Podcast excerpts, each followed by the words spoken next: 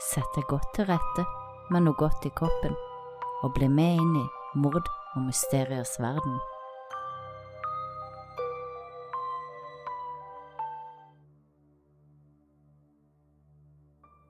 I dag skal dere få høre om noen kvinner som har tatt hevn på en ganske grusom måte.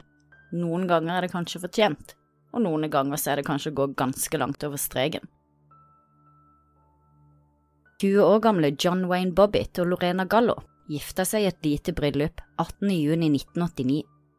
Lorena hadde langt, mørkt, krøllete hår, var slank og vakker. John Wayne så ut som en ung utgave av Tom Hanks.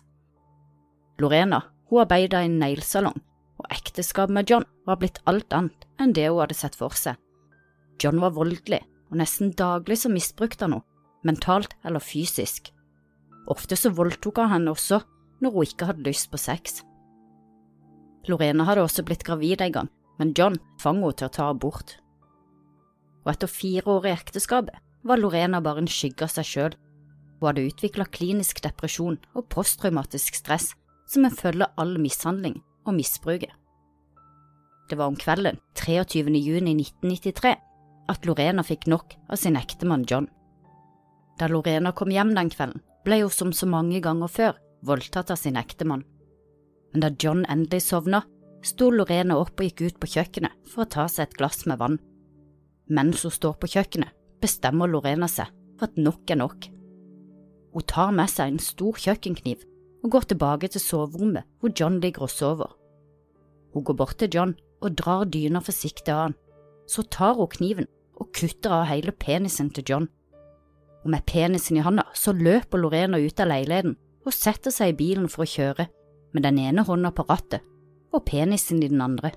Og etter å ha kjørt rundt ei stund syns Lorena det er slitsomt å bare styre med ei hånd, så hun kjører mot en åker og kaster penisen ut av vinduet, så langt hun klarer inn i åkeren og etter å ha kjørt rundt litt til, så ringer Lorena sjøl til politiet og forteller de hva som har skjedd, og hvor de kan finne John sin penis. Politiambulansen rykker raskt ut til stedet, og mens John blir frakta til sykehuset, leter politiet etter Johns penis i åkeren. Og etter ei grundig leiting finner politiet til slutt penisen. Den blir lagt i en desinfiserende væske og frakta i huet hans til sykehuset. John og penisen ble kjørt rett inn på operasjonsstua, og etter ni og en halv time i legens hender var penisen sydd tilbake på John sin kropp. Under rettssaken så vitna Lorena og fortalte om et ekteskap hvor John hadde mishandla og misbrukt henne. Hun fortalte om en ustabil økonomi, og at John stjal sparepengene hennes og brukte opp lønna på alkohol. Ekspertvitner for både Forsvaret og aktoratet bekreftet Lorena sin historie om at John hadde misbrukt henne og at dette hadde eskalert helt fram til den fatale dagen, og at Lorena på dette tidspunktet levde i konstant frykt for John.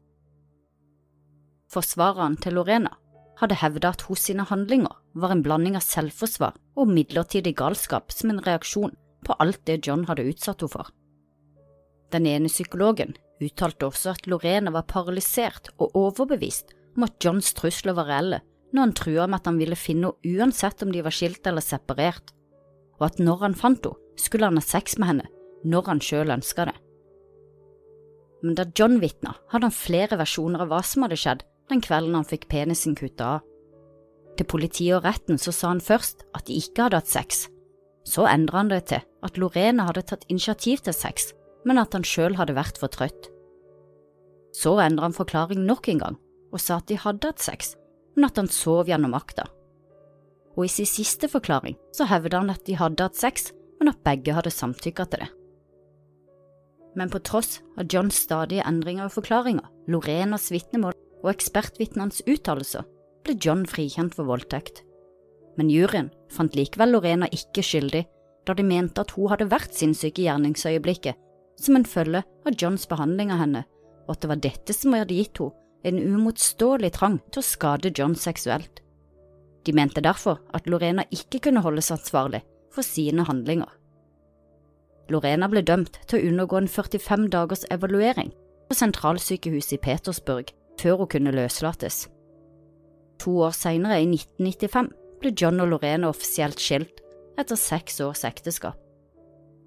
og Lorena og John fikk mye oppmerksomhet rundt saken, og det var noe John prøvde å dra fordel av etter rettssaken.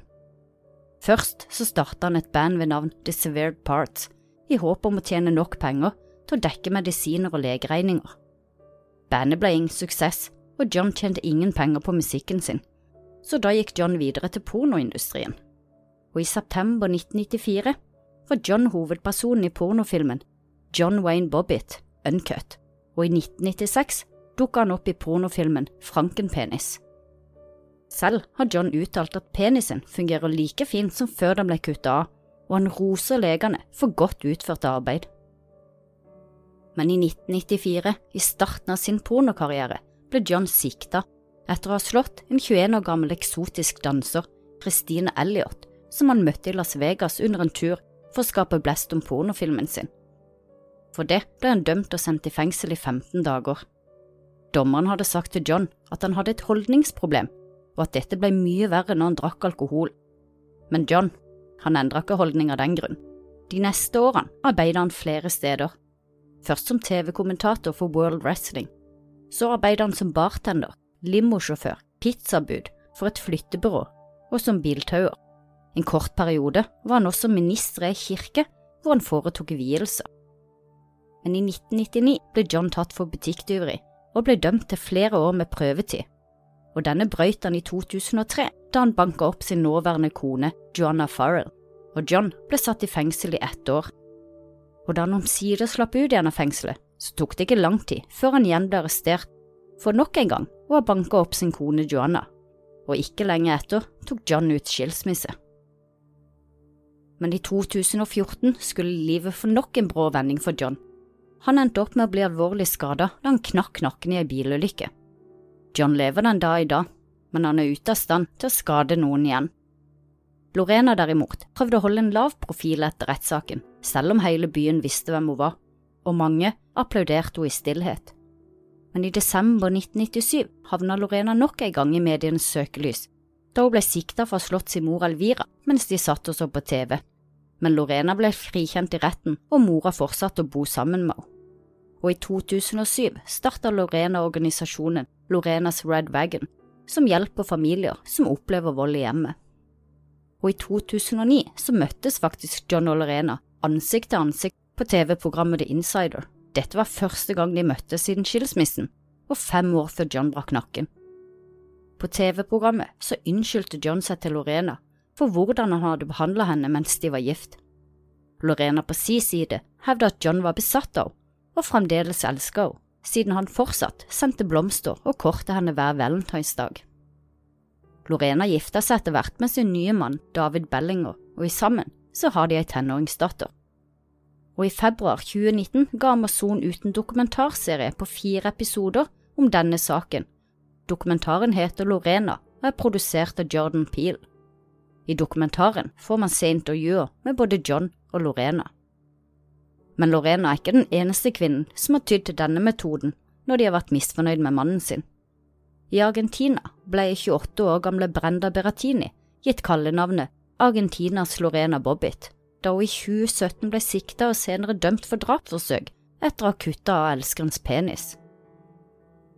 Den 42 år gamle gifte musikeren Sergio Fernandes hadde et seksuelt forhold og sidesprang med Brenda i flere år, og han hadde tatt flere bilder og filmer av de mens de hadde sex. Men da Brenda fant ut at Sergio hadde delt disse filmene og bildene med flere av sine venner, samtidig som han skrøt av at Brenda var trofeet hans, ble hun mildt sagt forbanna. Så Brenda begynte å legge en plan, og i november 2017 var hun klar for å utrette planen sin. Hun avtalte et møte med Sergio, og som vanlig sto sex på menyen. I retten fortalte Sergio at Brenda hadde bedt han ta på seg bind for øynene, for deretter å be han gjette hvor på kroppen hun tok på han. Hun hadde også bedt om å forbinde kroppen hans med tøy, men det gikk ikke Sergio med på. Og mens han fortsatt har bind for øynene, begynner Brenda å gi Sergio oralsex, og plutselig kjenner han en merkelig følelse mellom beina, og med smerter, bind for øynene og uten å forstå hva som har skjedd, forsøker Sergio å reise seg opp samtidig som han drar opp buksene og griper etter mobilen. Han får av seg bindet for øynene og ser skrekkslagen at penisen er borte og buksa er fylt av blod. Han forsøker å komme seg ut av rommet, men Brenda vil ikke la han gå, så hun drar han tilbake etter håret og skjorta, samtidig som hun skriker fornærmende ting til han. Heldigvis for Sergio har naboene hørt skrikene og ringt etter politiet. Det viste seg at Brenda hadde brukt en hekkesaks til å klippe av 90% av Sergios penis, pluss den ene testikkelen. Han endte opp med å ligge åtte dager i koma. I ettertid har livet vært tøft for Sergio. Ikke bare er manndommen endra for alltid, han lider også av panikkangst og søvnproblemer, og han har en konstant følelse av at kvinner kommer til å drepe ham om han har sex. Brenda hevda i retten at hun aldri planla eller forsøkte å drepe Sergio, men hun innrømma at hun hadde planlagt å skade han fordi hun opplevde at Sergio behandla henne som et sexobjekt, og at hun kun var et ligg for han. Hun sa han ødela privatlivet, livet og karrieren hennes. Juryen, som besto av fire kvinner og fire menn, fant enstemmig Brenda skyldig, og hun ble i 2019 dømt til 13 år i fengsel for å ha kutta av Sergio sin penis og enes testikkel. Nå skal vi til en familie i Kina hvor ektemannen fikk penis kutta av, ikke bare én gang, men to ganger. 30 år gamle Feng Lung var gift med 32 år gamle Fan Lung. De bodde i den kinesiske byen Shankui sammen med sine fem barn men da Feng oppdaga at ektemannen var utro mot henne etter å ha brukt hennes mobil til å sende elskerinnen en sexy e-post, ble hun fly forbanna. Så da ektemannen hadde sovna, så henta hun saksa og klippa av han penisen.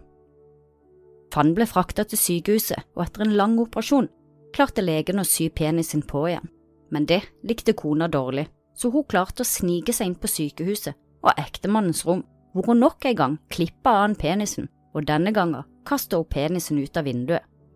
Det var først da noen henvendte seg i sykehusets resepsjon, fortalte at en naken mann drev og banka i kvinnen utenfor sykehuset, at legene oppdaga hva som hadde skjedd. De løp ut for å se hva som foregikk, og der fant de ektemannen Fann med blod rennende nedover beina, samtidig som han slo og banka sin kone. De fikk stansa mannen, og begge ble brakt inn igjen på sykehuset, og det var da de oppdaga at mannens penis var borte igjen.